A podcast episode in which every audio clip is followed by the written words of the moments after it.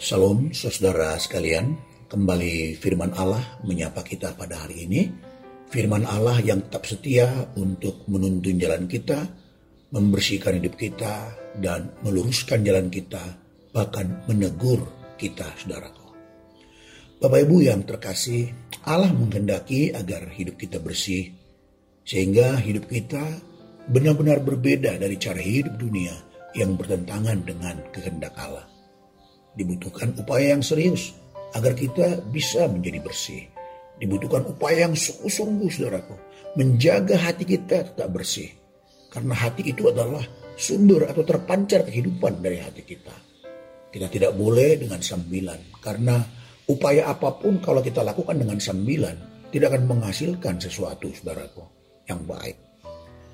Nah saudaraku, salah satu upaya agar kita bersih, berkenan di hadapan Allah adalah dengan tidak membuka celah dalam kehidupan kita. Apa yang kita maksud celah di sini? Ya, celah itu saudaraku menurut kamus bahasa Indonesia adalah sela ya ada sela antara dua benda. Nah, celah itu merupakan jalan masuk. Sekuat apa pun atau sekokoh apa pun sebuah benteng pasti satu kali akan roboh kalau ada celahnya. Ya, sebab celah itu merupakan potensi kehancuran kapal semahal apa pun dengan bahan-bahan anti air, anti karat, satu kali pun akan menjadi rusak, saudara. Bisa tenggelam maksud saya. Jika ada celah dan celah itu dibiarkan terus. Ya, itu akan menimbulkan kerusakan yang secara perlahan dan satu kali akan menenggal, menenggelamkan kapal itu, saudara. Nah, oleh karena itu, kita jangan membuka celah dalam kehidupan kita. Kalau dalam kehidupan kita ada celah, maka itu akan menghancurkan kehidupan kita. Ya, akan membinasakan kehidupan kita, saudaraku. Dalam Alkitab, Alkitab mencatat Hawa membuka celah, ya, dia membuka celah bagi eh, pikirannya, ya, saat ketika ia memberikan dirinya atau membuka pikirannya berdialog, berdialog, berdiskusi dengan si jahat, ya, si jahat. Nah, itu sama dengan Hawa membuka celah.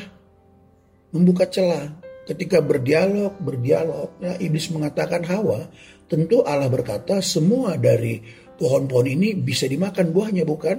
Nah iblis masuk dengan pikirannya memutarbalikkan bahwa Tuhan tidak pernah berkata semua boleh dimakan. Nah ini membangkitkan uh, ketertarikan terhadap pikiran Allah, eh, pikiran Hawa untuk masuk. Oh bukan, bukan semua bisa dimakan. Tetapi pohon pengetahuan yang baik dan yang jahat ini, ini saja yang tidak boleh dimakan.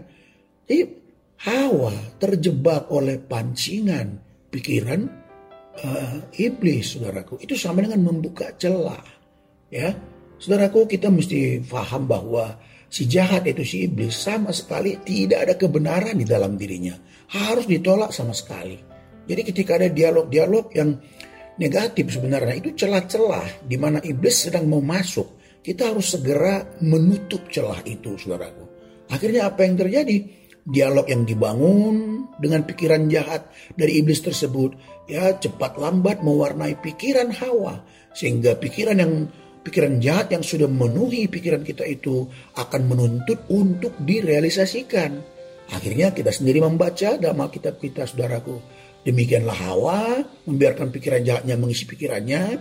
Akhirnya ia didesak untuk memenuhi tuntutan dari pikiran itu.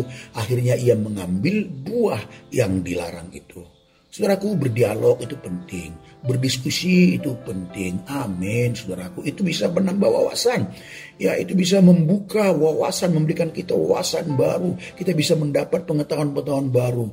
Namun sebaiknya ya kalau kita tidak menutup telinga ya buat semua diskusi-diskusi yang bertentangan dengan firman Tuhan apalagi diskusi-diskusi negatif itu pasti akan merusak kita ya merusak kita. Itu tidak menambah pengetahuan bukan menambah wawasan ya. Yang ada mungkin menambah wawasan buruk saudaraku.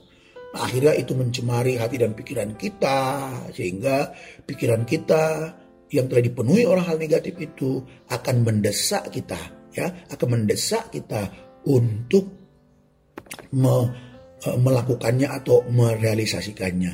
Jadi sesungguhnya saudaraku, demikianlah kita itu eh, jatuh dalam dosa atau demikianlah semua orang e, berbuat dosa karena mengizinkan pikiran-pikiran jahat memenuhi pikirannya, apa yang telah memenuhi pikiran itu ya itu e, menjadi insting baginya yang mendesaknya untuk melakukannya. Nah, oleh karena itu, saudaraku yang dikasih Tuhan, ayo sebagai anak-anak Bapak Surgawi yang mengasihi Tuhan, yang mau bertumbuh di dalam Tuhan, mari jangan membuka celah, saudaraku. Ya, kiranya Tuhan Yesus memberkati kita. Amin.